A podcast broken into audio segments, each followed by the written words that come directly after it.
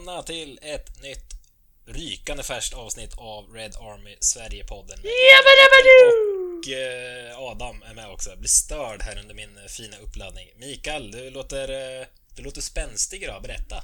Jävligt spänstig. Jag är taggad. Öppnar en öl. Livet leker. United vin vinner mot Aston Villa på bortaplan. Allt är som vanligt. Vill du berätta vad det är för öl? Du vet vad det är för öl, Emil. Ja. Det är, Vi, det är min och din öl. Det är ja, A-Bro. vi är fortsatt inte sponsrade. Vi är inte sponsrade nu heller. Det är Adam som sätter käppar i hjulet för vår eventuella sponsor eftersom han Mm. snackar skit om den ölen. Ja. ja. Vi har ju blivit erbjudna enorma sponsorpengar, men Adam vill ju tyvärr inte. Det är lite synd. Nej, han är också socialist. Adamsson. Han vill ju verkligen inte Går bli, emot min värdegrund och köpa in sån här han vill verkligen inte bli sponsrad så. Nej men det, vi kämpar på jag och Emil. Mm. Men Jag kan absolut bli sponsrad av något bra. Fan, fatta att bli sponsrad typ av eh, Kina-puffar eller något som är gott. Kina-puffar. Vi är sponsrade av Kina-puffar. Det hade varit mäktigt. Av F- Fazers Kina-puffar. Ja, Fan vad gott det är det skulle mycket bra nu för tiden, Fatser alltså. Ja, det Det var är... mitt favoritgodis när jag var liten. Men A-bro, det får vi fan vänta med. Det är något som man kan ta fram när man verkligen inte har något annat hemma. Abro alkoholfri måste man bli sponsrad av. Man får väl inte göra reklam för eh, rusdryck i det här landet, va? Känns det inte så? Vad vet Det jag? kanske är så. Med tanke på Falcon alkoholfri arena och all sån skit. Det måste ju vara någonting. Ja, fy fan, det där är ju det är vidrigaste arenanamnet någonsin. Finns ett par vidriga. Nej men den låter, alltså den är svår att ta på allvar. Falcon alkoholfri arena. Ja, alltså när de lägger till alkoholfri, det kan ju inte vara kul eh, i namnet liksom. Det är som att ha liksom, ja men Fazer Arena. Inte den goda varianten, men den Ja. som vi köper när vi inte har råd med annat. Ja, men ett tillägg liksom för att vara lite politiskt korrekt. Falcon, Ja, alkoholfri alltså. Arena. Ja, nej usch. Men eh, här får ju våra lyssnare hjälpa oss helt enkelt så vi blir så stora att vi får in sponsorer. Det hade varit grejer. Eh, Guldfågel Arena. Tyskt ursprung i parentes. det hade jag gillat någonstans. Fläskfilé. Inom partiet Är dans. inte Guldfågeln Arena ett hyfsat bra arenanamn för att vara spons ändå? Alltså det är Jag vet inte. Guldfågel Arena, det klingar ganska bra ändå. Ja, det är helt okej. Att Kan vara värre. bedrövligt. Vad sa du? Kan vara värre. Absolut. Ja, det kan det. Det kan Men- heta men- Emirates Stadium. Den är själlös. Vilken trött arena. Trött klubb. Fy fan. Svårt för Arsenal. Man är ändå nöjd med att Old Trafford heter Old Trafford och liksom inte, ja, något annat chipsigt. Ja. Typ Lace Stadium. Glazer Arena. Uff. Hur, Ja, hur har man lyckats fan. behålla det egentligen? Fan vad äckligt! Men hur, alltså med allt som skett senaste veckorna, vi har sågat Glazer och, och, och så vidare. Hur kommer det sig att eh, arenanamnet inte blivit sålt? Vet du om det? Stort varumärke liksom. Old Trafford. Plus att alltså själva arenan heter Mm. egentligen inte Old Trafford utan eller jo, det gör det ju, men det är ju för att området heter Old Trafford. Det är därför den heter så. Mm. Men det är Intressant. Det är som eh, eh, King Power Stadium. Eh, Leicesters, de ligger på Filbert Way. Och arenan hette ju Filbert Street förut. Ja. Mm. Och det är ju liksom som Goodison Park, det är området. Så det är egentligen, jag förstår vad du menar där. Egentligen är det ju inte arenan, det är ju Ja, området. precis. Det finns ju en cricket arena i närheten av fotbollsarenan på Old Trafford. Den heter väl också Old Trafford tror jag. Mm. Och Vallas eh, idrottsanläggning heter ju Valla IP. Fast egentligen heter den ju San Silo. Det står ju en silo som står och va- vakar över anläggningen. Vart hamnar vi nu? Lantmännens Vilka Valla? silo liksom. Ja, det är nu vi Emil kommer säga ja du sitter här. Är han allvarlig? Är det, eller är han inte? Det är inte Valla i Linköping Emil. Nej. Det är inte Valla-rondellen där borta vid Ikea. En av Det är eh. Sveriges största rondeller ska sägas.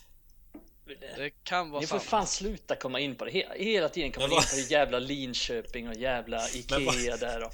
Ja, men, eller, Mikael, du är helt välkommen att prata om Pajala. eh, Pajala och alla andra Ja men uppe. ni är inte, ni är inte med mig. liv. Jag älskar Ni är inte sånt. med mig. Jag får ju ta med mig någon från Pajala i podden i så fall. Ja, men det är ingen som har varit i Pajala. Det kan ju vara... Det kan höra till. Vi kan prata om Malmö där du bor nu. Där, där har jag varit flera gånger. Ja, Men vad, Adam, jag måste knyta ihop det här. Vad menade du med Valla? Vilket Valla?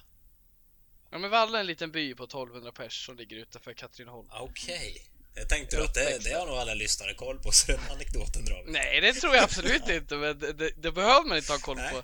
Det var ju därför jag berättade Ja. om den. Att det heter Valla IP anläggningen, men det, man säger San Siro. Det är lite... Fast det ligger på Heter Valla inte. Degerfors Arena Stora Valla? Eh, jo, heter det väl. Hette i alla fall. Tror den Kanske heter så. fortfarande. Ja. Vilka är Starke Arvid? Det var Ljungskiles, va? Ja, just det. Det känner jag igen. Ja, det finns många mäktiga sådana där eh, namn. Skitsamma. Nu, eh, klockan tickar ju på här. Vi måste ju hinna prata lite United också. Det är ju... Det är bråda dagar, så skulle vi väl kunna uttrycka det. Sen senast vi hördes så... Eh, har det spelats två matcher, va? Ja, vi har slagit Roma. Nej, förlåt. Vi har förlorat mot Roma fast vi slog dem över dubbelmötet. Vi förlorade med 3-2 borta. Eh, och sen slog Bra vi match. Aston Villa. Ja, jättebra match. Sen slog vi Aston Villa igår borta med 3-1. Vi spelade alltså in det här måndag kväll ska sägas för er som eh, inte hinner lyssna på den här innan eh, Leicester som vi möter redan imorgon tisdag. Så det är eh, tätt här kan vi säga. Och sen har vi Liverpool på torsdag. Alltså, vi måste ändå börja i änden det här brutalt sjuka spelschemat som har ramlat in här nu. Vad är det? Fyra matcher på åtta dagar, tre matcher på fem dagar här nu som går av stapeln i, i ligan bara. Alltså, hur... Hur kan det tillåtas vara så här? Alltså, är det FA som vill göra någon form av statement mot en Super League-klubb och dessa protester som, som föranledde inställda matcher mot Liverpool? Eller hur, hur fan kan man låta det bli så här? Alltså, jag tror spontant inte att ett statement. Eh, det tror jag inte. Jag menar, det tror måste bara ju gått att eh, lösa det på annat sätt. Och, alltså, de kunde ju Jag flyttat tror också någon de hade kunnat flytta att det liksom till kanske, lösa det. ja men efter finalen eller något sånt där. eh, Men det kanske de inte Nej, men de vill att... ville. De kanske ville stänga den boken, men alltså som det ser ut, det är klart. Det kanske gick att lösa på något annat sätt, men jag tittar lite på det och kör den på fredagen med en dag till vila. Det hade inte varit så bra för Liverpool. Då hade de fått två matchers mellan varandra. De har å andra sidan inte lika tajt schema som vi har. Men, Nej, men de, man, ja, det är väl lite lata är de väl när de gör den här. nej, men de anser väl också att det är Uniteds fel i grunden så att de sätter väl hellre att United får lite tight, tänker jag. Så på så sätt kanske det är ett litet statement, men eh, den kan ju inte spelas efter finalen eftersom de vill att sista omgången ska spelas samtidigt så att det inte blir orättvist att man inte kan spela på ett resultat på samma sätt. För det hade ju Tänk om den här spelas efter sista omgången. Det kan ju innebära att Liverpool till exempel vet exakt vad, vad de behöver göra för att nå en topp 4 plats. Till exempel, för de har en del att spela för, även om United inte har det. Mm. Men, Ja. ja, men det blir ganska mycket, tre matcher på fem dagar. Visst var det så? Det är näst, Yes, nästan som stämmer. eh, West Bromwich schema 1911-1912 den säsongen. De spelade sju matcher på nio dagar. Va- Varför sitter du på den infon? Jag såg det på Twitter. Jaha, ja. Men ja. Ja. Säga vad man vill om fotbollen på den tiden, men det, det måste varit jobbigt för de grabbarna. Men alltså, Inga byten eller så heller. Dessutom. det nej, är bara de samma. körde på samma elva då. Men eh, alltså, det är ju inte mänskligt för spelarna det här, det måste ju sägas. Det, det är ju fullständigt... Nu såg vi ju Maguire som spelat samtliga minuter i ligan sen han kom till United. Det är ju helt sjuk bedrift bara det. Men eh, han verkar faktiskt ha gått sönder igår mot Villa och fick knata ut. Men oavsett om han hade... Om inte han hade skadat sig där igår. Alltså, inte ens han hade väl kunnat starta båda kommande matcher mot Leicester och Liverpool också. Det går ju inte att spela så här tätt Om han på. vill. Alltså, det, det är fullständigt omöjligt. Om man vill. Jag tror att eh, Maguire hade velat gjort det. Ja. Och jag tror faktiskt att Solskär hade spelat honom i alla matcher. Men eh, han antydde det inför Villa-matchen, Solskär, att han inte trodde att eh, Maguire skulle vidhålla och slå sitt eh, eh, ja, imponerande rekord. Han sa det som att, ja, ett, det är tråkigt för spelare kan skada sig. Det är tråkigt för bla bla bla. Och sen är det tråkigt för att Maguire inte får spela varje match fortsättningsvis. Mm. Det var en sak. Så, så han antydde ändå att det var möjligt att han skulle vila honom. Men vi vet ju att Maguire vill han spela så spelar han. Spela, Det har ju varit så. Han, Rashford och, Och Bruno. det spelar ingen roll egentligen vad Solskjaer säger där och Maguire vill spela varje match. Och jag tycker att jag tycker inte man kan göra så mycket med den här skadan. Det var otur att Maguire skadade sig. Det är en annan sak om han hade typ dragit en baksida. Det tycker jag att han borde haft eh, självrespekten att prata om det då om han kände att han inte är i form. Eh, men det här var bara otur. Det var bara oflyt. Ja, jag är ju lite... Jag är en liten orolig själ så här, men alltså jag blir ju lite illa till mods för alltså man vet ju att alltså så här, svåra knäskador och sånt, det händer ju ofta alltså när spelare är slitna, muskulaturen liksom orkar inte hålla emot till exempel en påfrestning mot ett knä och det är då det smäller ett korsband eller något. Så nej, jag vet inte. Jag tycker fan det... Jag vet inte. Jag vill inte se Bruno springa runt och spela tre matcher på fem dagar, även om han är lätt i kroppen och allt vad de säger. Alltså helt plötsligt smäller det och då sitter man där. Nej men Ole var ju inte, han var inte särskilt nöjd med det här spelschemat. Han sa väl någonting Nej. i stil med att ja, det är folk som sitter i kostymer som aldrig har spelat en fotbollsmatch som bestämmer. Och, nej men han har ju rätt. Det är ju klart, det är ju orimligt att spela en fotbollsmatch tre stycken på fem dagar. Det, det håller inte. Det går inte att spela samma spelare men ja, det är den situationen vi är i och vi har inte så mycket att spela för i ligan så jag ser väl inte det som något jätteproblem. Det kommer lägligt. Ja. Det här var ju värre i vintras och då gjorde vi det fantastiskt bra med att rotera. Ja, då, och då hade det ju rotering. varit värre såklart också. För då hade vi ju fått en... Det var ju värre då. Det var ju, men vi gjorde det bra Ja, liksom. men det var inte tre matcher på fem dagar. Nej, men det var, det var behov av rotering. det. Nu måste vi rotera, men det spelar oss ingen roll. Vi kan dumpa matchen mot Leicester till exempel utan att det gör oss Nej, någonting. precis. Det var ju Ja, det inte det. helt... Jag är inte helt missnöjd om United förlorar den. Med tanke på hur tab tabelläget ser ut där med, med Leicester och sen Liverpool tätt bakom. Mm. Tystnad. Jaha, vad du säger. Tystnad.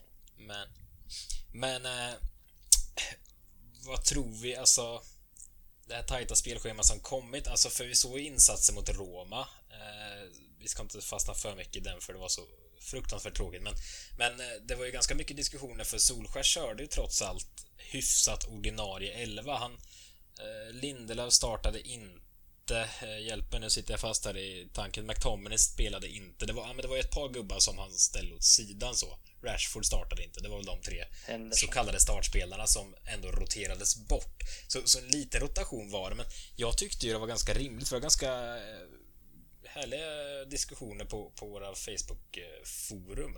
eh, Där många tyckte att det var så jäkla uselt att Ole inte startade Ahmad exempelvis. Men alltså, den matchen var ju någonstans den Visst att vi hade 6-2 att gå på, men förstå om vi hade halkat och legat under med 0-3 efter första halvlek när vi startat med, med ett så kallat B-lag.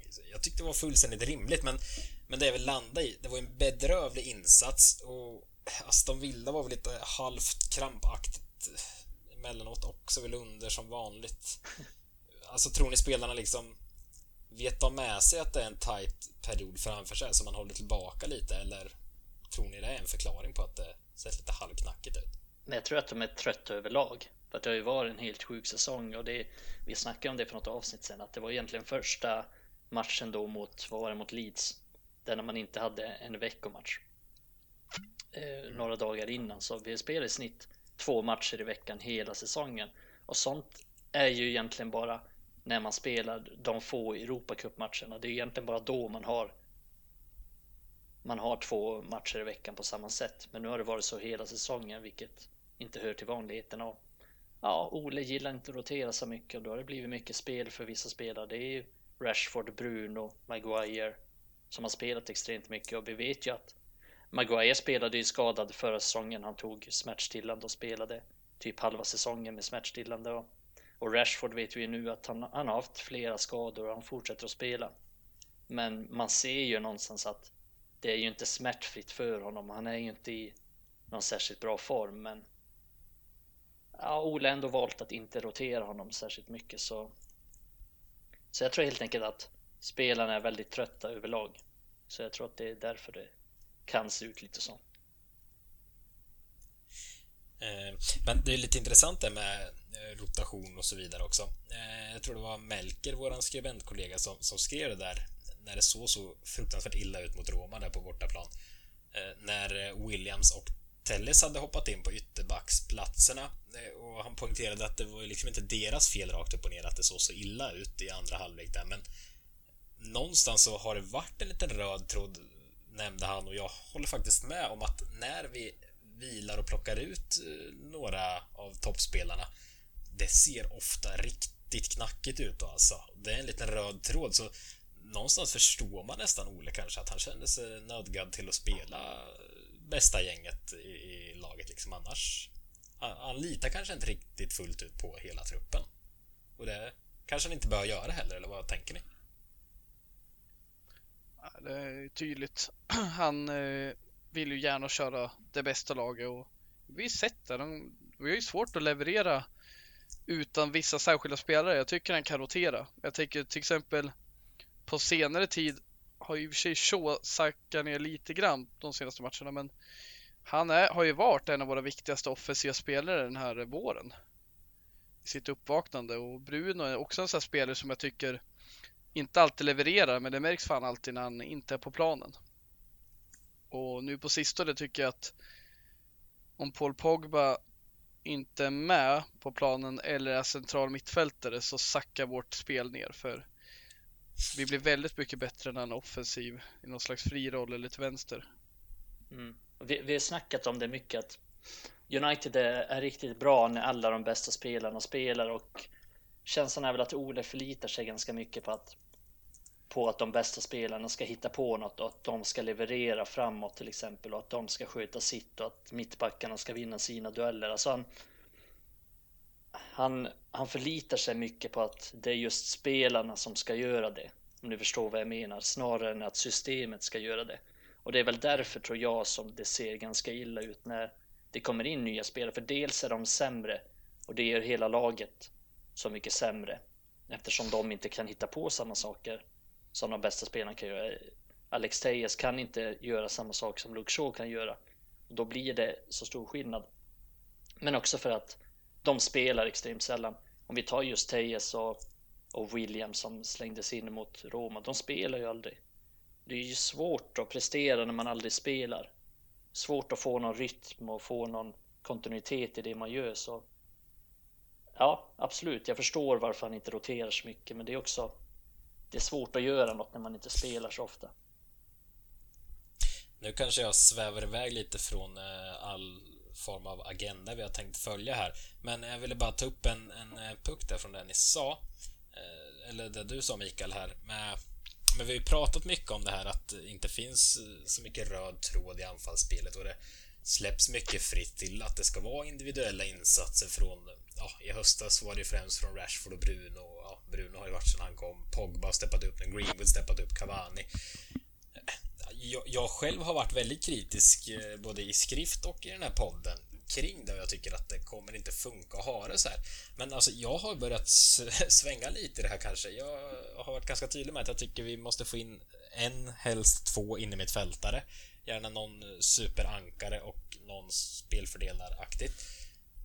Och sen kanske inte är så fel att liksom släpp det fritt där uppe för vi har så sjukt skickligt individuella spelare som, och det funkar ju uppenbarligen. Det är, det är inte så att vi har problem med målskyttet den här säsongen. Alltså, har vi Greenwood för eh, stå på sig ett år till Cavani förlängde, vart officiellt här bara en kvart innan vi började spela in. Rashford kommer komma tillbaka när han får liksom vila ut. Bruno har vi sett. Vi har Pogba förhoppningsvis under en lång tid framöver. Alltså, ska vi ta in ytterligare något kanske i offensiv väg här framöver? Jag vet inte, jag har börjat svänga lite. Det kanske inte är fel. Ole kanske något på spåren. Alltså, otroligt skickliga spelare. Offensivt kanske man bara ska släppa fritt. Man kanske inte ska hålla på och gå in och pilla för mycket. En sån som van de Beek som eh, kommer från en riktig systematik i Ajax kanske får stryka på foten då för det inte riktigt funkar för honom. Men alltså i övrigt, jag vet inte. Offensiven ser ju så jäkla bra ut och vi gör rätt mycket mål så jag börjar jag börjar svänga lite. Hur känner ni? Ja, men just offensiven handlar ju en, ändå en hel del om att man ska ta liksom att spelarna, in, alltså man kan ju inte coacha Rashford till att okej, okay, du kommer i det här läget. Här ska du passa, här ska du skjuta.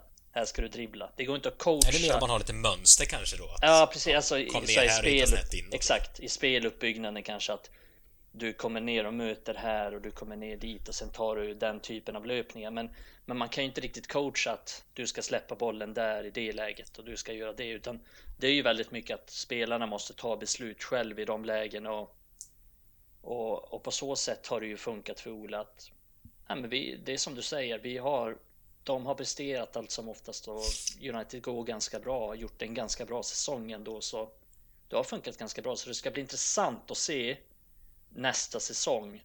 För vi har ju varit inne på det tidigare också att det är egentligen bara Cavani av hans nyförvärv som har satt någon prägel på laget. Så har han egentligen haft samma lag från förra säsongen. Minus Cavani då. Och det har sett ganska bra ut, alltså bättre och bättre ut. Vi, vi hade ju en jävligt dålig inledning på säsongen, men överlag har det sett bättre och bättre ut. Så det ska bli spännande att se, speciellt om det kommer något nyförvärv och se hur det utvecklas. Jag är fortfarande lite tveksam. Han har ju sina brister, Ole, men jag är ändå spänd på att se hur det kommer se ut nästa säsong. Jag är inte säker på att det blir liksom en ligatitel eller så, men jag, jag är nyfiken på att se vad som händer och om det kan utvecklas ytterligare. Jag håller med er båda att jag är spänd att se vad Ole kan göra med det materialet vi har för kapaciteten är enorm. Eh, potentialen är skyhög med, med våra spelare. Jag tror också som du säger Emil att ett ankare kan göra ett försvar som har utvecklingspotential till ännu starkare försvar. Eh, jag är liksom kritisk till AVB som en högerback men jag tycker väl ändå han gör han gör sådana pass framsteg att han är han är inte tillräckligt bra för att ta United till nya höjder, men han är tillräckligt bra för att vara spelare i United. Jag kan se honom som en reserv i framtiden. Det händer ändå saker framöver. AVB är inte den bästa spelaren vi har, men han, det, det händer någonting. Och jag tycker han är tillräckligt bra defensiv för att ha en bra reserv.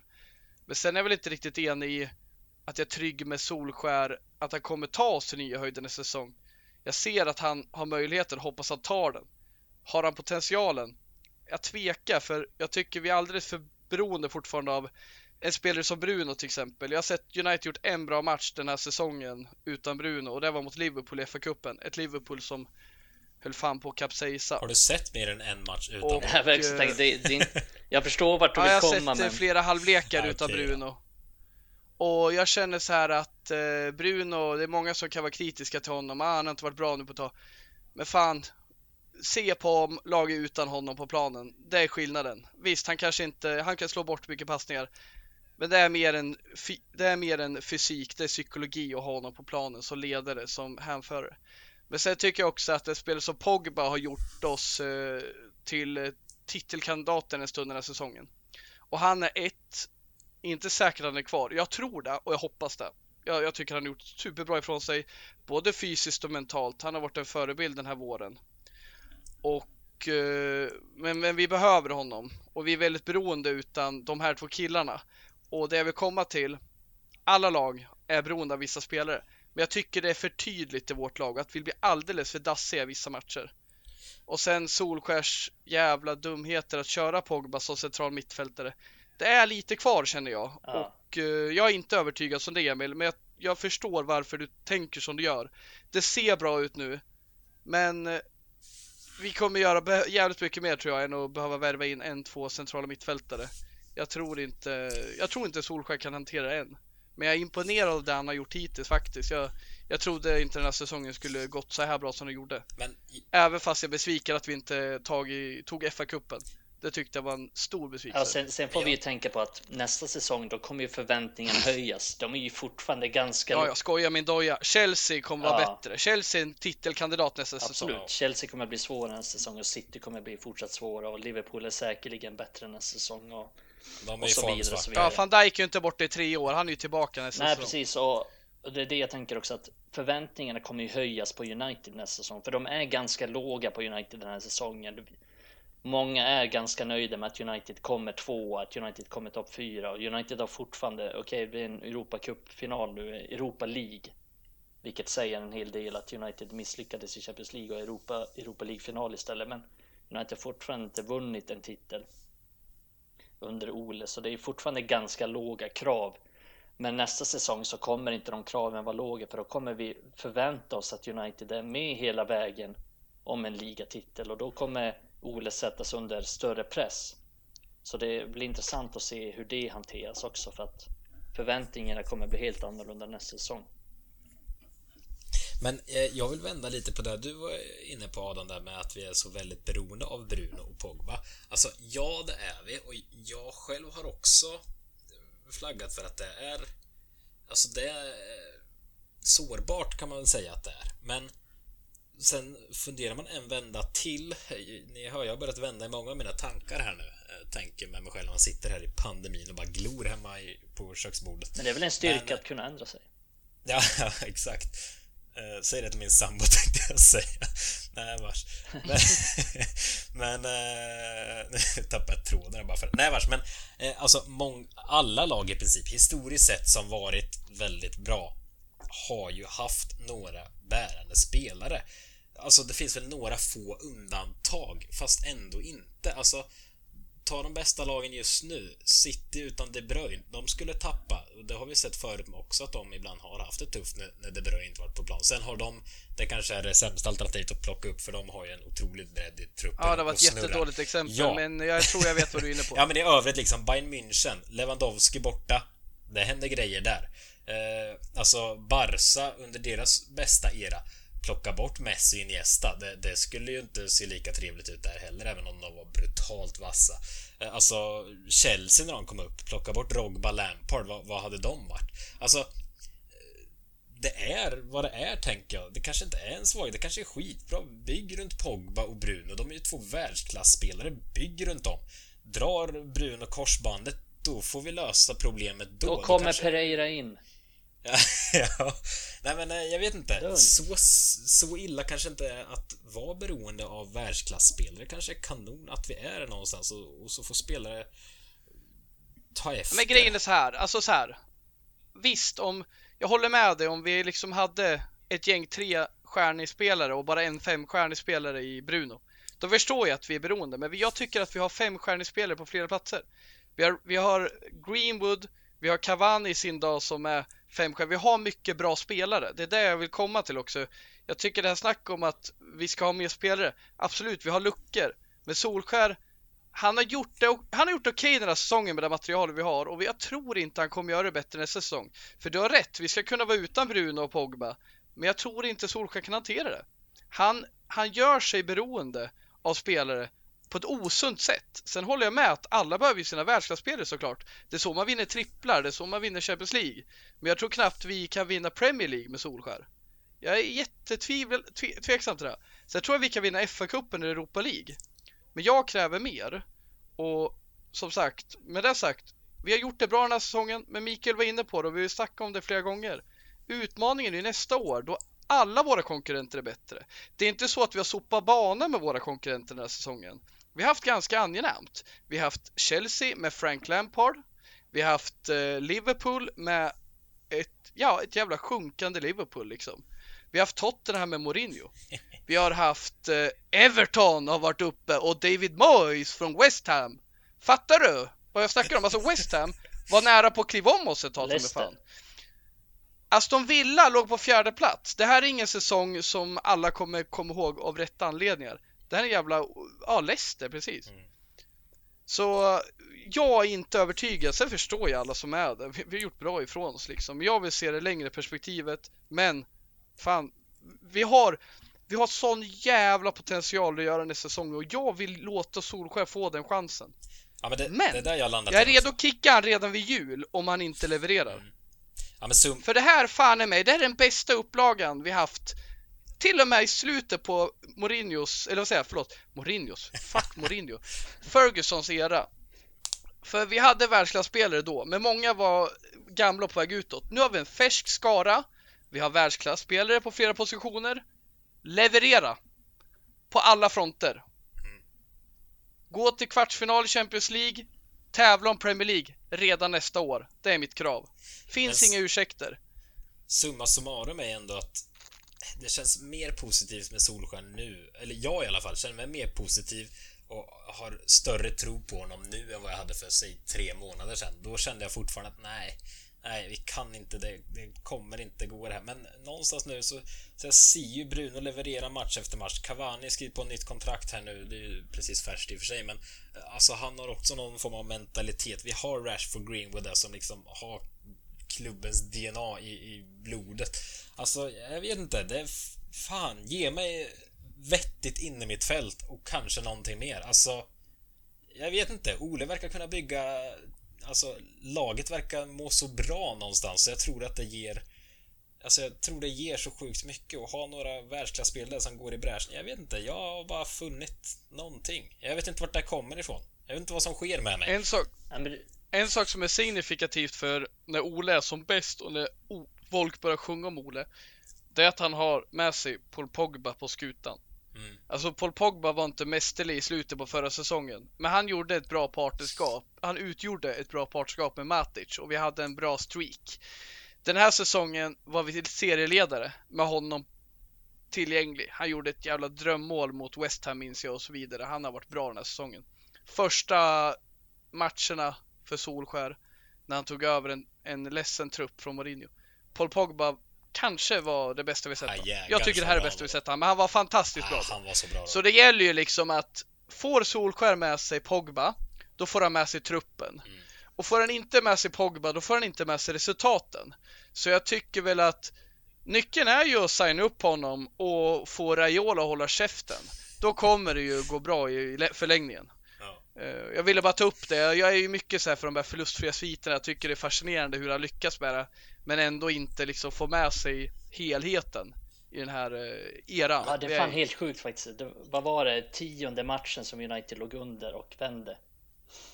Eh, och det var ja. nytt rekord och United har ju liksom inte... I tävlingens ja, historia. Precis, så United har inte förlorat på bortaplan sedan Sundsvall brann. Och det, mm. det är helt, det är, det är som säger, det är fascinerande. Det är så här nya rekord om att United aldrig förlorar. United har förlorat färre matcher än City den här säsongen. United, vad var det att de har förlorat tre matcher och, alla, och de tre matcherna kom liksom de fem, sex första omgångarna. Just det. Eh, tre av de matcherna så. Så United har ja. ju visat sig vara enormt svårslagna den här säsongen och det Nej, men jag håller med. Det, det, är lite fascinerande för jag kan inte riktigt greppa det många gånger för att vi har varit inne på det att vissa matcher så är United inte särskilt bra, men det kommer ändå någon slags vändning och det kommer ändå något slags resultat så att han får. Det är någonting han får med sig som är svårt att sätta fingret på vad det är.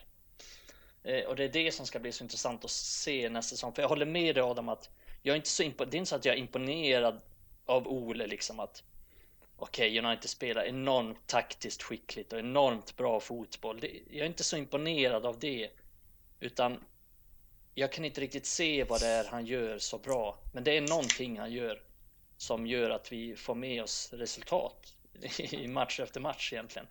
Och det, och det är så konstigt, för det är bara att ta den här matchen mot Roma. Vi är totalt utspelade och det blir ändå bara 3-2, men det kan lika gärna bli liksom 6-2. Det kan det i den här matchen. Alltså det är David de Gea som räddar oss. Det är stolpar och det. Men han, han, han har de här Ferguson-marginalerna med sig. Det är, det är svårt att sätta finger på, för Ferguson hade också den förmågan att vi var inte suveräna alltid, men vi hade alltid marginalerna med oss. Och jag upplever att Ole har det på samma sätt. Ja, men det är lite det att man alltid satt och kände, alltså så var det ju med Sir Alex. Man satt ju där Lunde med 0-1. Det tickade upp till 80 minuter. Man kände, nej, det är lugnt. Alltså, det är lugnt. Ja. Vi löser det här. så ja, men det är så man känner i halvtid nu. Det är lugnt. Vi ja, ja, men jag, jag såg matchen mot Aston Villa igår med pappa Torkel som eh, håller på Aston Villa. Och han var lite... Han jublade knappt när Villa gjorde mål för han sa äh, det här vänder United. Och vi satt i det halvdelen jag sa också. Ja, det här vänder United även fast det inte sett kanon ut. Helt övertygad och det... Alltså, det är väl ett gott betyg om något att man ändå fått in den känslan och det är väl den... Det är väl, det är väl kanske det vi ska landa i att Ole gör jättebra för uppenbarligen har man fått in den känslan i truppen också eftersom de ser så självsäkra ut i underläge och liksom vänder matcher så... Ja, det har vi inte nej, haft förut. Det har vi inte haft förut. Det ska ju gudarna veta att vi har ju suttit här med, med Mourinho till exempel och kanske släppt in ett mål och tänkt nej, vi kommer inte göra Vi kan spela den här matchen i tre timmar. Vi kommer inte vända den. För det är den känslan man hade och det är den känslan man hade vid Mois. Den känslan man hade vid van vissa stunder så. Han har uppenbarligen fått, jag tror att det är mycket som du säger Emil, att han har fått in någon slags mentalitet i laget, att alla gillar honom och han har fått in en tro i United och sen har han de här han har de här marginalerna med sig, de här diffusa marginalerna som är svårt att sätta fingret på vad det är, men han får med. Man kan inte säga att det är tur längre. Det är så, folk sa det ofta om Ferguson också att United har bara tur och det är lite samma tongångar nu, så jag ser, jag ser något slags mönster där, men ja, vi får se. Jag är inte heller säker på att det, på att det kommer hålla i längden, för jag är lite inne på Adams linje också att vi är för beroende av vissa spelare som gör att jag tror att vi får det svårt utan, säg att Bruno Fernandes är skadad i två månader, då tror jag att vi kommer få svårt att få resultaten med oss. Men ja, vi får se. Det blir ett framtida problem. Mm. Eller, ett, eller ett problem som aldrig kommer förhoppningsvis.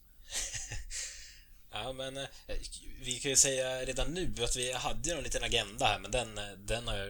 Ja, men det är du, ditt fel. Du är du som kommer in på något jävla sidospår. Ja, jag vet. Jag tar på mig det, men eh, jag gillar att vi plockar lite godbitar som går att koppla till både Roma och Villa-matchen här istället. Jag tänker vi fortsätter så, för ja. det är inte... Jag är skitglad att inte börjar snacka om Roma-matchen, för jag somnade efter med 30 minuter kvar. Helt allvarligt. Det var så jävla tråkigt. Alltså, så... Fan, trå... alltså, ja. Så tråkigt var det väl inte? halvlek. Fy fan vad tråkig hela Nej, matchen så var. tråkig var det väl inte? slut för mig andra halvlek. Ja, jag köper det Mikael. Det var inte rent ut tråkigt. För en neutrale var det ju kalaskul. Ja, det hände ju äh, ganska mycket, ja. tycker jag. Du menar att man behövde sitta med ångest när man hade 60 Ja, det är, det är lite problematiskt. Nej, men det var något för mig att det var ju avgjort. Eller? Och vi spelade så jävla dåligt. Emil, Emil pessimisten. Liksom, jag kommer ihåg att du skrev i chatten. Det är inte avgjort här. Det är inte avgjort här. Fan är det. Jag, post, jag pustade ut i 85 ungefär och kände ja men nu, nu är det nog safe alltså. Men, äh, fy fan. men äh, en, en, en grej bara från den matchen ändå. Alltså att de Gea gjorde en så här fin insats. Jättebra, tänker jag. Alltså, mm. han visar att han lever fortfarande. Nu tänker jag för eventuella klubbar som vill... För alltså Solskär det är ju tydligt nu att nu är det Henderson han, han går på. Och då är det väl kanon att de Gea visar vilken sjuk klass han fortfarande håller. I alla fall alltså, som linjemålvakt. Han är ju typ bäst i världen fortfarande där. Ja, det är han. Han är fan det. Alltså. Bra poäng. Det är ju bara att låna ut honom nästa säsong. Ja, men jättebra. Alltså... Kör han till eh, Roma eller Inter. Inter gillar ju gamla United-spelare. Ja, men... Så vi liksom Ja, men, Var folk tveksamma ingen... så visar han att hej och hå, mig kan ni plocka in i ett par år till. Jag kommer fortsätta leverera. Det är en win-win. Han får spela. Om Henderson packar ihop och drar till Hawaii, då finns det skia kvar i klubben. Ja. Men vi kan inte sitta på den där lönetaxan. Det är inte skäligt. Jag ville bara flika in det, det, det var skönt. Men sen vill... Ja, jättebra poäng. Sen vill jag ta upp också, vi har, vi har redan varit inne på det och Adam, du var inne på det förut. Alltså Paul Pogba, att han ska hålla sig högt upp. Vi, många klagar att han utgick från den sittande positionen mot, mot Roma. Men alltså, tror ni verkligen att det var Solskär som bara, ah, men nej, Paul är lika bra här sittande. Tror ni inte det hade lite med så här, han ville vila McTominay då för kommande perioden som kommer här liksom. Matic är fortsatt lite för trög, han vill inte ha honom från start. Tror ni inte det bara var att, äh, vi skickar ner Paul, det funkar liksom. Jag, jag har svårt Absolut. att tro att det var så här, ja men nu ska du spela sittande här. Uh, vi är inte säkra på att du är bäst offensivt. Det, det kan inte vara så. Nej, men han utgår från vad ska jag ha för mittfältare? Ja, men Fred kan spela. Han blir aldrig trött. Och McTominay, ja men jag kan...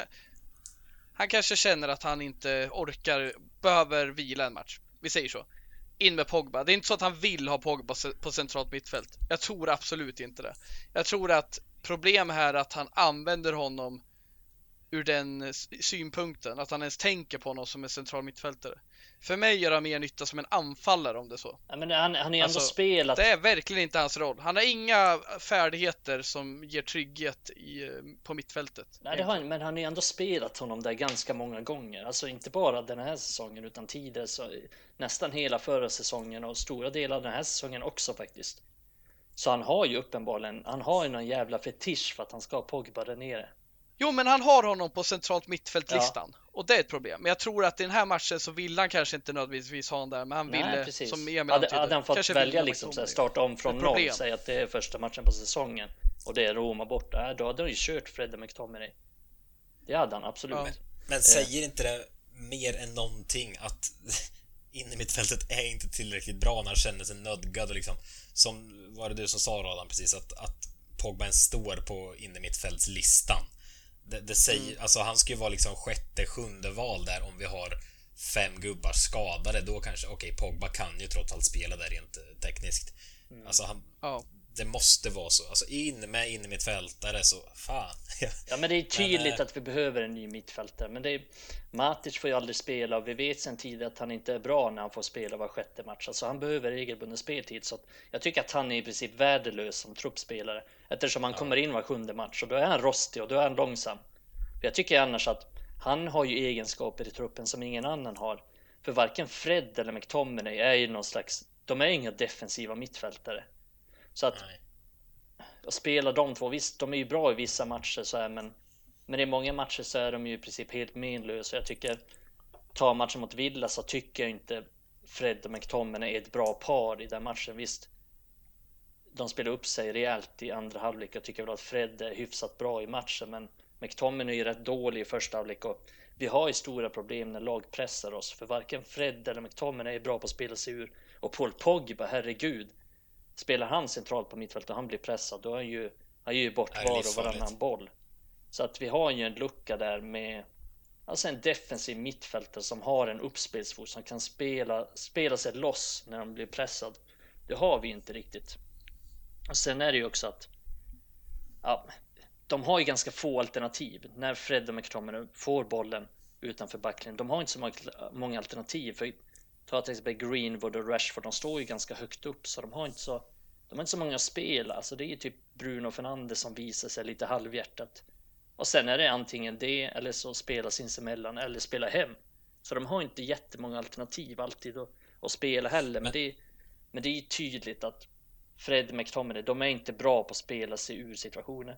Och ingen, ingen, av, ingen av dem är en DM heller, så de är inget ankare, de är ingen defensiv mittfältare. Så vi jag har... Tror inte det går lite hand i hand att de inte får så mycket alternativ för liksom Alltså säger de offensiva spelarna De vet att uh, McFred inte Ingen av dem liksom Det blir inget lir. Om vi så kommer ner och möter och visar att så här, de, de är inte tillräckligt skickliga för det så det är ingen idé. Det är bättre att vi håller oss här uppe och bollen kommer upp. Alltså hade man haft nu kommer jag inte på några vi skrev om Yahya Touré tidigare i, i våran gruppchatt. Kan ta upp honom. Hade man haft honom i fornstora dagar då vet man att då hade man kunnat gå ner och liksom lira lite gott med honom och få en som för upp bollen med lite auktoritet. Alltså, ja men förstår ni vart jag vill komma? Har man in, ett innermittfältspar eller i alla fall en där nere som har världens lir i sig Alltså det föder nog att Bruno kan komma ner och lira lite där. Det är ingen idé att han kommer ner och försöker väggspela med med Fred nu. Det är helt meningslöst. Liksom. Ja, men jag, jag tänker att det är en taktisk instruktion. Ja. Någonstans. Och, och gör man det till en taktisk instruktion att de ska komma ner, ja då, då måste de ju komma ner och spela. Men mm. de gör inte det av någon anledning. Jag vet inte riktigt vilken anledning det är och vad, vad som är tanken med det. Men vi är ju uppenbarligen inte särskilt bra, vilket vi såg ganska tydligt mot Villa. Vi är ganska sårbara för den typen av press väldigt ofta och det är väl den största luckan i det här laget att varken Fred eller McTominay är särskilt bra på att spela upp bollen och, och det är inte så att de kompenserar det med, med någon stor defensiv insats. Alltså visst, båda löper mycket och är rätt starka i dueller och sådär, men men de, ingen av dem är ju ett anker som Matic är. Ingen av dem har ju den spelförståelsen att stå rätt till exempel, utan Fred, jag börjar studera honom lite mer nu. Han är, var och varannan match är ju uppe där och liksom så här, du vet, han kommer i världens fart så glidtacklar och går bort sig. Ja, det är ja. helt Han är speldum. Det är bara, han, det är ja. bara energi han går Ja, det är bara ibland energi. Så att, ibland träffar han och då ser det fantastiskt ut. Alltså han, han har inte riktigt den överblicken och det har inte McTominay heller riktigt. Han har inte den överblicken runt vad han har runt sig och liksom var han ska stå för att täcka av ytor. Så visst, vi, det är väl därför kanske McTominay, eller det är väl kanske därför Lindelöf och Maguire inte alltid är de mest stabila heller för att vi inte har så bra täckning framför det all, alla gånger. Men ja, så jag tycker att det blir mer och mer tydligt att vi behöver en, en defensivt stabil mittfältare som har en bra, liksom som kan spela sig ur situationer. Det är väl det största mm. problemet tycker jag. Ja, fint. Det får vi knyta ihop första halvlek med tycker jag jag gillar att vi inte pratar om matcherna som sådant, Roma och Aston Villa. Det är inte så mycket att säga om matcherna som sådana i slutet av säsongen. Finalen är klar i Europa League. Topp 4 är säkrat i ligan. Fint att bara ta lite punkter här och där. Det kanske vi fortsätter med efter pausen.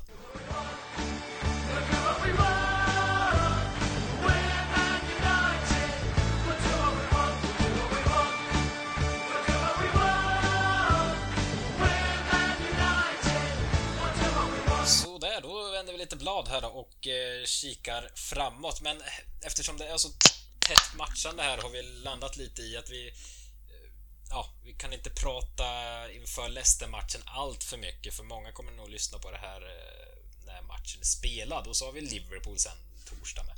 Så vi, vi kör väl lite som i första halvlek här. Vi tar lite, lite här, lite där. Eh, och som vi varit inne på, det är helt 100% säkert att nu vi kommer topp 4. Det är lite svårt att veta vad kommer ske, hur kommer vi spela, men om vi ändå ska börja i Leicester på något sätt. Två dagar eh, efter man har mött Aston Villa, två dagar innan man möter Liverpool. Vi fick se så kallad första elva mot Aston Villa. Tror ni att eh, Ole byter ut hela jäkla startelvan mot Leicester? Nej, inte hela, tror jag inte. Men jag tror fan åtta spelare byts ut i alla fall. Alltså att åtta spelare som inte är ordinarie spelare. Det är inte helt lätt. Vi snackade ju om mittfältet förut. Där har han egentligen bara ordinarie val förutom Matic. Så jag kan tänka mig typ att det blir Matic och Fred. Eh, Ja, McTominay typ va? Fred har bänken. spelat båda senaste tänker jag. Roma och Villa har han startat. ja. Borde bli McTominay. Ja, men jag, ja, jag, jag tror inte han gillar McTominay och Matic konstel- Ja, konstellationen. men det är ju skitsamma nu Men, tänker jag. Ingen av konstellationerna vi har är väl särskilt bra egentligen. Fan. Ja men det blir spännande. Nej, men jag tror absolut att det är många som ska roteras in. Allt annat vore väl galet med tanke på det som händer mot Villa. Vi får en skada. Vi har en final snart. Vi har en, ett rivalmöte. Det är ingenting som talar för att han ska ha en stark elva. Förutom att han gillar att spela vissa spelare då, såklart. Men nej, han kommer Men ska vi gå, Han har ju snackat ska om vi det. gå på hans signaler, alltså signalen han har sänt ut när han klagade på spelschemat och hur han har uttalat sig kring de här matcherna. Ja, då kommer han ju byta ut typ hela elvan. Så ska vi gå på det, ja då kommer det bli många rotationer. Men jag tror precis som Adam att han har ju vissa spelare han gillar och som han ogärna byter ut. Och jag tänker ju typ att Maguire skulle vara en sån som skulle spela alla de här matcherna. Det skulle jag inte ha blivit förvånad över. Nu verkar han ju vara skadad och missa den här men, men i övrigt så tror jag faktiskt att han hade gjort så. Eh, så han har förmodligen kvar någon från startelvan. Men han kommer byta ut majoriteten, det tror jag också. Men... Eh, alltså, vi, det kan vi ju säga. Vi, U23 ska ju spela här om eh, halvtimme ungefär när vi sitter och spelar in där. Och du sa ju nyss, eh, Mikael, att Elanga är inte med i truppen alls. Eh, och det bådar väl kanske Tilde, ändå du går till mamma. mot att eh, han ska nog vara involverad mot Du Leicester kan inte på något använda den. sätt. Får vi väl nästan anta då. Om Stäng inte han blivit skadad på något höger. Men... Ja, han är nog i alla fall med på bänken. Sen får man ju se. Ole uttalade sig också att kring de här unga spelarna så sa han ju någonting i stil med att ja, de kommer förmodligen vara involverade på ett eller annat sätt. Sen får jag väl se om jag kommer starta dem eller om jag kommer byta in dem på slutet eller någonting sånt. Och, och det verkar ju vara mycket kring det här att han vet ju inte riktigt status på spelarna. De spelade igår söndag och han, han har liksom inte, de har inte riktigt hunnit samla alla så att han, han kommer få se. Jag tror att, jag tror att han kommer göra så här att han kommer snacka med dem individuellt. Ja, hur känner du? Kan du spela? Kan, hur känner, hur känner din, din kropp sig inför den här matchen? Kan den, känner du av någonting? Kan du spela? Och, och så vidare. Så jag tror han, han kommer ha lite samtal kring det och sen kommer han att ta ett ganska sent beslut om hur han ställer upp i den här matchen. Men, men visst, det, Elanga kommer nog vara minst på bänken så jag tror att det är en, det är en stor chans att han kommer göra sin debut i den här matchen. Vad blir han då? Den sjätte svensken i så fall?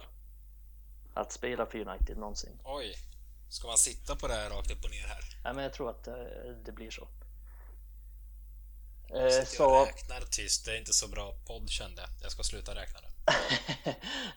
ja, sluta räkna nu. Du får lita på att jag har rätt. Jag tror att det blir den Jag litar på dig. Du brukar kunna sån här eh, konstig fakta. Men eh, alltså nå- någonstans, visst nu är det FA som lagt spelschemat, där vi har diskuterat det lite redan, men alltså säg om han kör Bruno här nu igen från start mot Leicester och sen igen från start mot Liverpool och han sen skadar sig i slutet av matchen mot Liverpool. Alltså någonstans då så har fan inte Ole rätt att klaga. Det hade varit en femma om vi jagade titeln eller slogs om topp fyra, Men nu ligger ju verkligen ingenmansland tänkte jag säga, kan man inte säga. Men ja, vi har inte så mycket att tävla för just nu. Alltså, då... Fan, vila de här mot Leicester, gör det. Det, det. det, är inte hela världen om vi förlorar, ärligt talat. Man vill aldrig se United förlora, men ärligt talat, det går att ta nu. Alltså, liran Bruno igen, han har väl bytt ut dem i typ så 87 här nu senaste matcherna, men det är ju ingenting. Alltså, jag vet inte. Det... Nej, folk lyssnar ju säkert på det här nu när matchen är avslutad ja. och vi får ju hoppas liksom att när ni lyssnar på det här så har många vilats. Vi är alla överens ja. om det. Och jag brukar inte vara någon sån här, det har jag poängterat många gånger, att jag är ingen sån här som skriker efter juniorer när det går lite dåligt. Åh, vi måste få se Ahmad och Elanga. Alltså, nej. Juniorer... Du är inte som Mikael alltså. Exakt. Vi kan ja, ta den diskussionen. Juniorer. Ja, men juniorer är juniorer. Det är en helt annan sak att kliva in i senior. Vissa löser det, men de flesta löser det. Ja, Ahmad var så dålig när han fick hoppa in mot Milan där och Nej, det, den går ju såklart att bolla upp och man ska aldrig vara glad för att någon är skadad, men ärligt talat att James ser ut att missa de här matcherna, det är fan ta mig positivt att vi får se Ahmad eller Langa istället för att se Daniel James luffa runt alltså. Usch, det hade varit grejer det. Men eh, nu när vi som sagt var inte har mycket att spela för, det är sett ett matchande. Alltså får vi inte se lite spännande här nu och då tänker jag på Ahmad främst, Elanga i andra hand.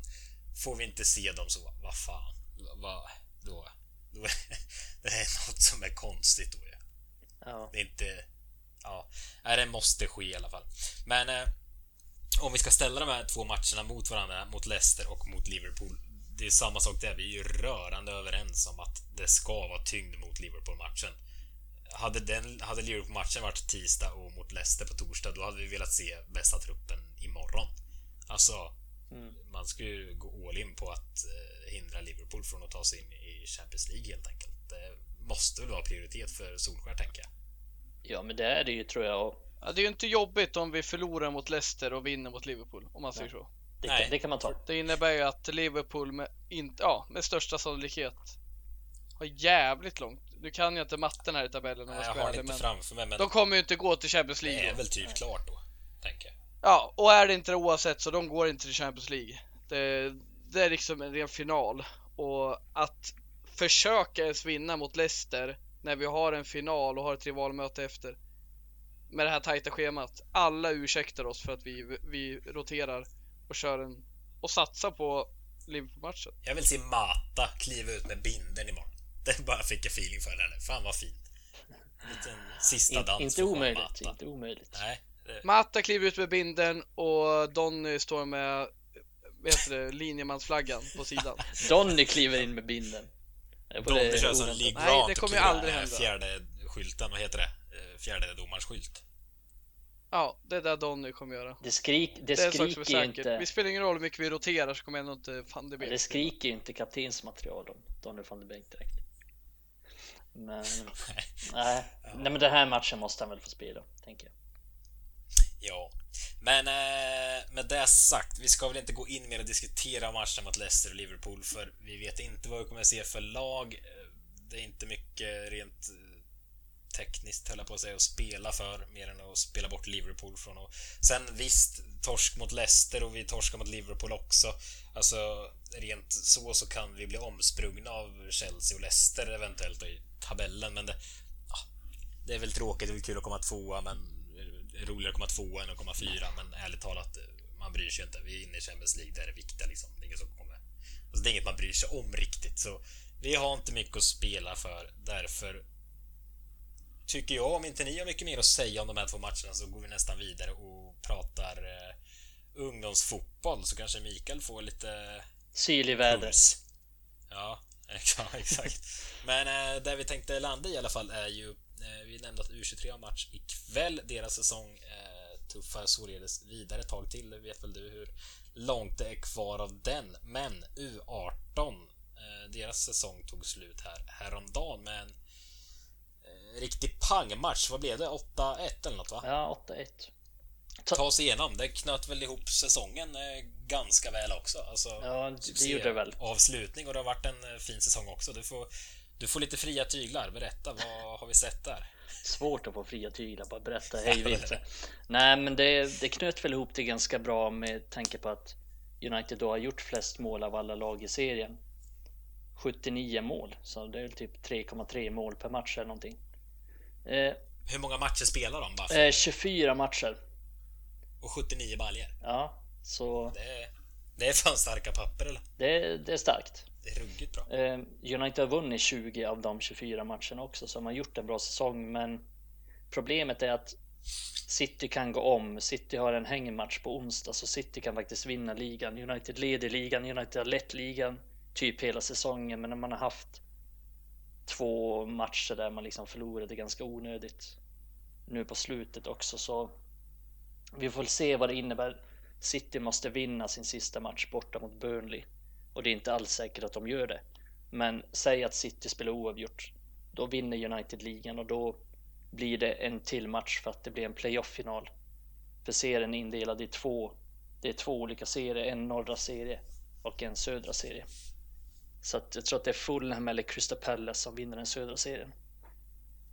Så United skulle i så fall få spela en playoff-final, men ja, det är väl inte så jävla intressant. Det är väl mer intressant hur liksom spelarna spelat och sådär. Och det finns ju några som har stuckit ut i det laget. Det är väl främst Charlie McNeil då, som kom från just City inför säsongen. Och han har väl varit egentligen eh, U18s bästa spelare, gjort 25 mål och 6 assist på 22 starter. Så det är ett ganska bra facit. Han gör långt över en poäng per match. Då har man en bra chans att vinna matcher om man har en sån spelare.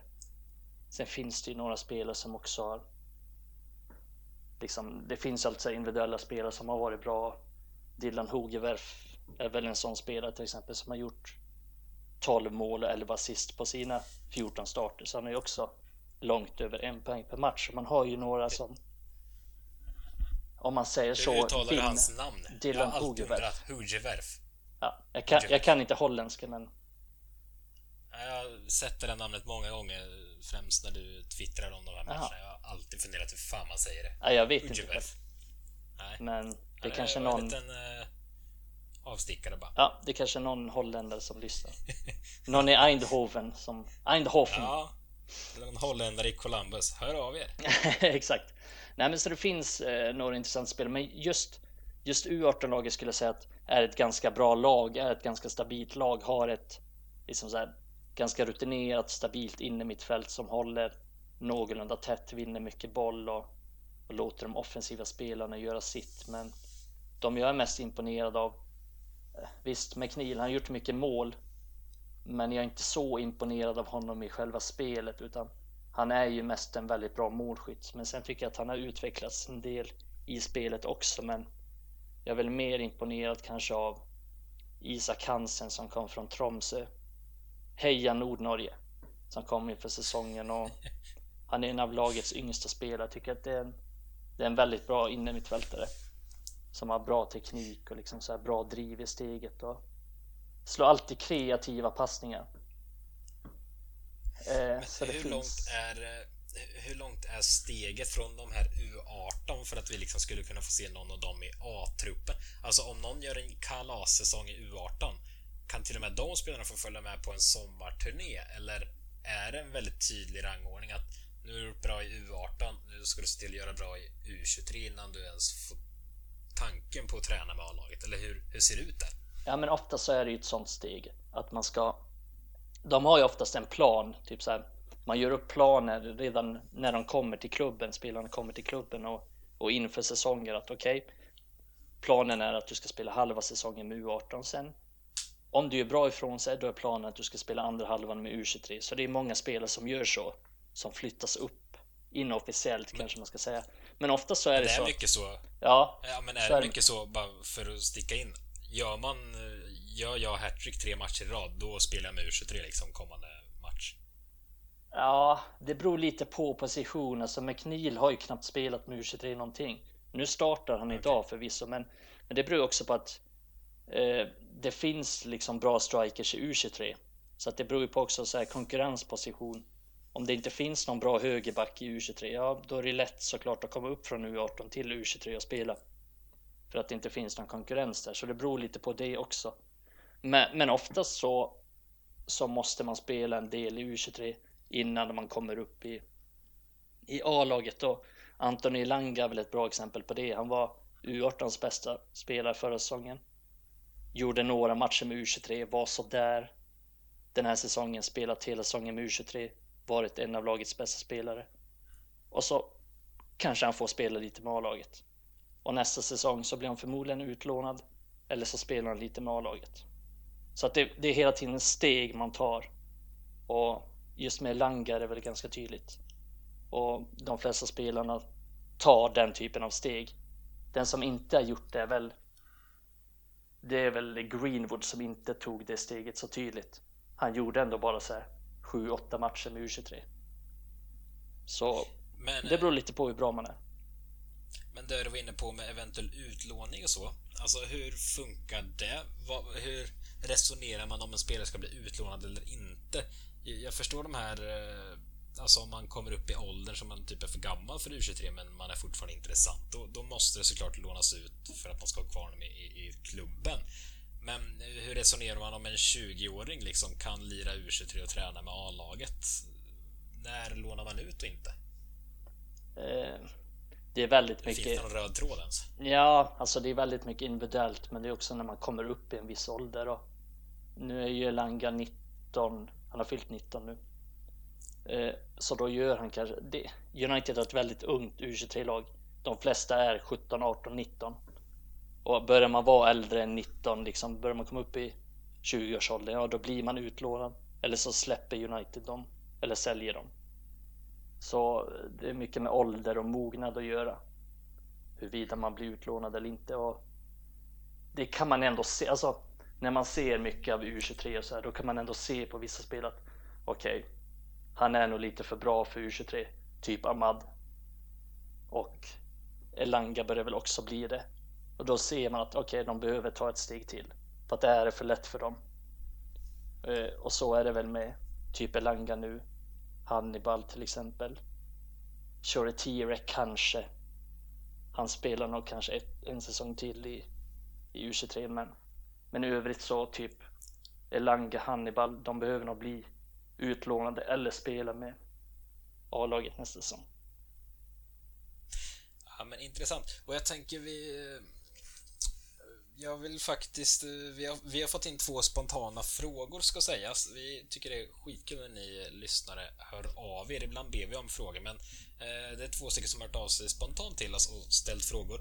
Och vi sa att vi nog ska skjuta på dem till nästa avsnitt, men jag vill faktiskt ta den ena frågan här nu oavsett vad ni säger, för jag tycker den är lite relevant med tanke på vad vi vad vi har pratat om. För idag har vi dels berört återigen inne mitt fältet och bristerna vi har där och dels pratar vi nu om ungdomar och utlåning hit och dit.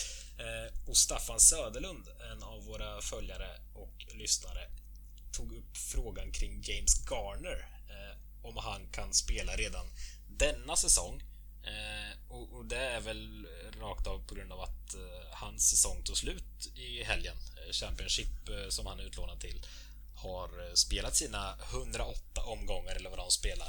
eh, och som sagt, det är lite brist på innermittfältet. Frågan är om Garner då kan komma tillbaka och eh, spela för United här nu.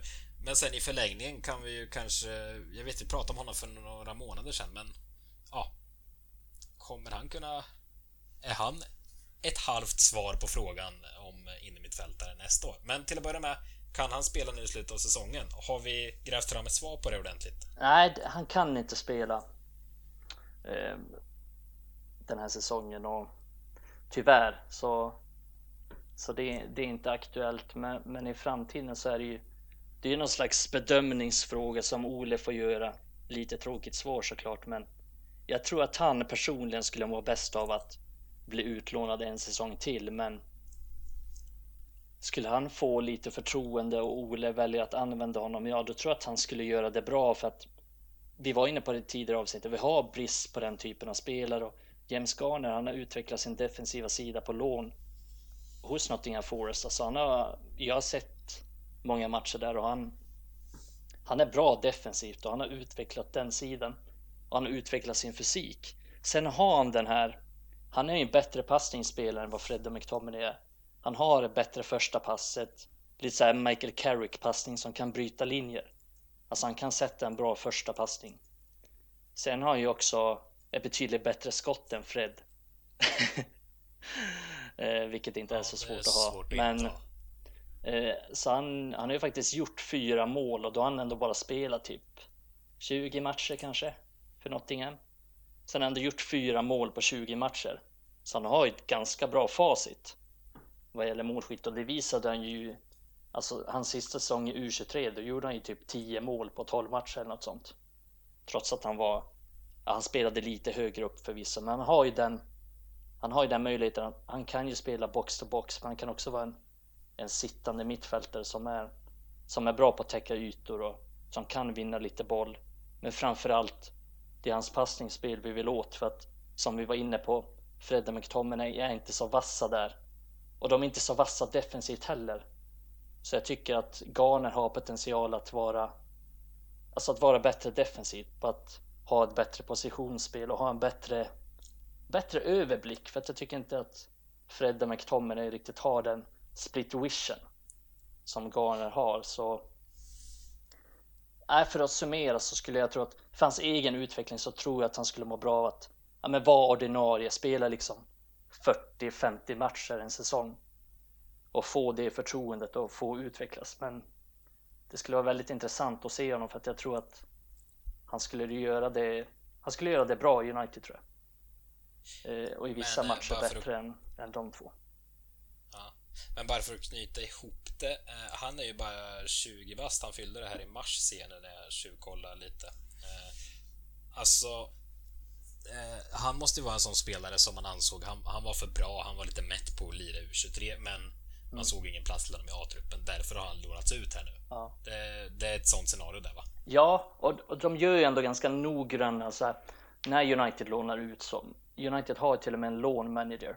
Så man gör ganska noga utredningar när man lånar ut. Alltså man pratar med, med klubbens tränare, man kollar på vilken klubb han ska gå till. Och jag vet när United lånade ut Aiden Barlow till eh, Tromsø faktiskt i Norge. Då kollade man liksom så här. Han pratade med en psykolog hur han skulle hantera och bo i, i ett helt nytt land liksom som han aldrig har besökt. Så att man gör ju väldigt mycket sådana saker. Sen lägger United in klausuler i kontraktet så att man lånar inte ut någon spelare om man inte kan ringa till den tränaren regelbundet. Om man inte får se den spelaren träna och spela matcher. Så det är många sådana saker man tänker på när man lånar ut som gör att man tar ganska noggranna beslut och gör noggranna överväganden. Ja, men kul. Och det ska vi väl säga också anledningen att han inte får spela för United ännu. Det är helt enkelt för ja, han är utlånad säsongen ut så att säga. Så det är väl regler som kliver in och säger att han får inte studsa tillbaka här och spela för United i slutet av säsongen. Eh, men, äh, kul. Fick eh, Mikael briljera lite igen med sin eh, ungdomsfotboll. Hur känner du Adam? Är du kvar eller har du gått hem? Nej då, jag sitter och lyssnar. Det är alltid lika intressant. Rysningar när Mikael går loss alltså. Det är en spetsegenskap. Man har inget att tillägga om man sitter och man lyssnar bara. ja, exakt. Men äh, ja, ni får... Äh, jag hoppas alla som lyssnar följer Mikael när han gasar på Twitter när det är U23 och eh, ibland även U18-matcher, men U23 är väl kanske eh, ligger väl närmast A-laget så det är väl kanske allra roligast att följa eh, när du twittrar. Eh, ja, det är galna matcher också. U23 har ju typ spelat 23 matcher, men det har ju blivit flera hundra mål i de matcherna. Det snittas väl typ så här sju mål per match. 400 mål. Ja, men det är helt, helt galet. 425 mål. Det är helt galet. Det är, varenda match slutar typ 6-4 eller någonting. Så eh, jag rekommenderar alla att se på de matcherna. Det är, faktiskt, nu ska jag börja gå igång igen, men ni får fan ta det. U23 så har ju faktiskt lite mer spännande spelare för att de flesta som spelar U23 kan ju faktiskt få spela U18 också, men United har valt att flytta upp dem ändå. Typ Hannibal och Choretiro och de, de får ju faktiskt spela U18. Men där finns det många intressanta individuella spelare som just Hannibal till exempel som jag gillar extra mycket som jag tror väldigt mycket på i framtiden. Där har vi också en, en mittfältare som kommer blomma ut så småningom. Inte en defensiv mittfältare tyvärr men mer ja. poänggörande mittfältare, mer kreativ mittfältare. Så det, det kommer bli kul att se honom. om det blir någon så här försäsongsturné nästa säsong. Det, det, är lite som så här, jag tänker kring jul och nyår när eh, folk går man ur huset och, och, slår sig ner för att man ska kolla på JVM i hockey. Det har ju någonting med juniorer ändå. Det, det, det är kul, det är lite frejdigt och man vet aldrig vad som händer.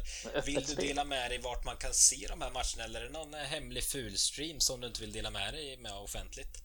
Jag vill inte dela med mig. Nej, men man kan väl se de flesta matcher på MUTV. Sen visar inte de exakt alla, men alla U23 matcher visar de, men inte alla U18. Eh, så det är det enda stället egentligen man kan kolla på. Snyggt. Sen ska vi säga också, jag sa ju att vi har fått, uh, fått in en till fråga, så Adam som har skickat in via Twitter, inte våran Adam här utan en eh, av våra mest trogna följare skulle jag nog säga, för han kommenterar rätt ofta har också skickat in en fråga. Vi har sett den och vi kommer ta upp den Adam så du vet, men vi skjuter lite på den till troligtvis nästa avsnitt. Kan bli ytterligare något avsnitt. Vi får se. Vi ska fylla ut våra agendor här framöver när eh, säsongen lider mot sitt slut. Eh, återigen skitkul när ni hör av er och fortsätt jättegärna med det. Eh, både frågor och åsikter kring vad fasen vi håller på och pratar om här i podden. Eh, är vi mycket glada för. Eh, kul att tjata lite med er idag igen. Framförallt eh, dig här nu Mikael, sista eh, 25 minuterna. Eh, Ja. Kul att du var med Adam. Kul att du var med Adam. Ja, tack detsamma. vi eh, hörs av nästa vecka. Ha det gott så länge. Hej hej!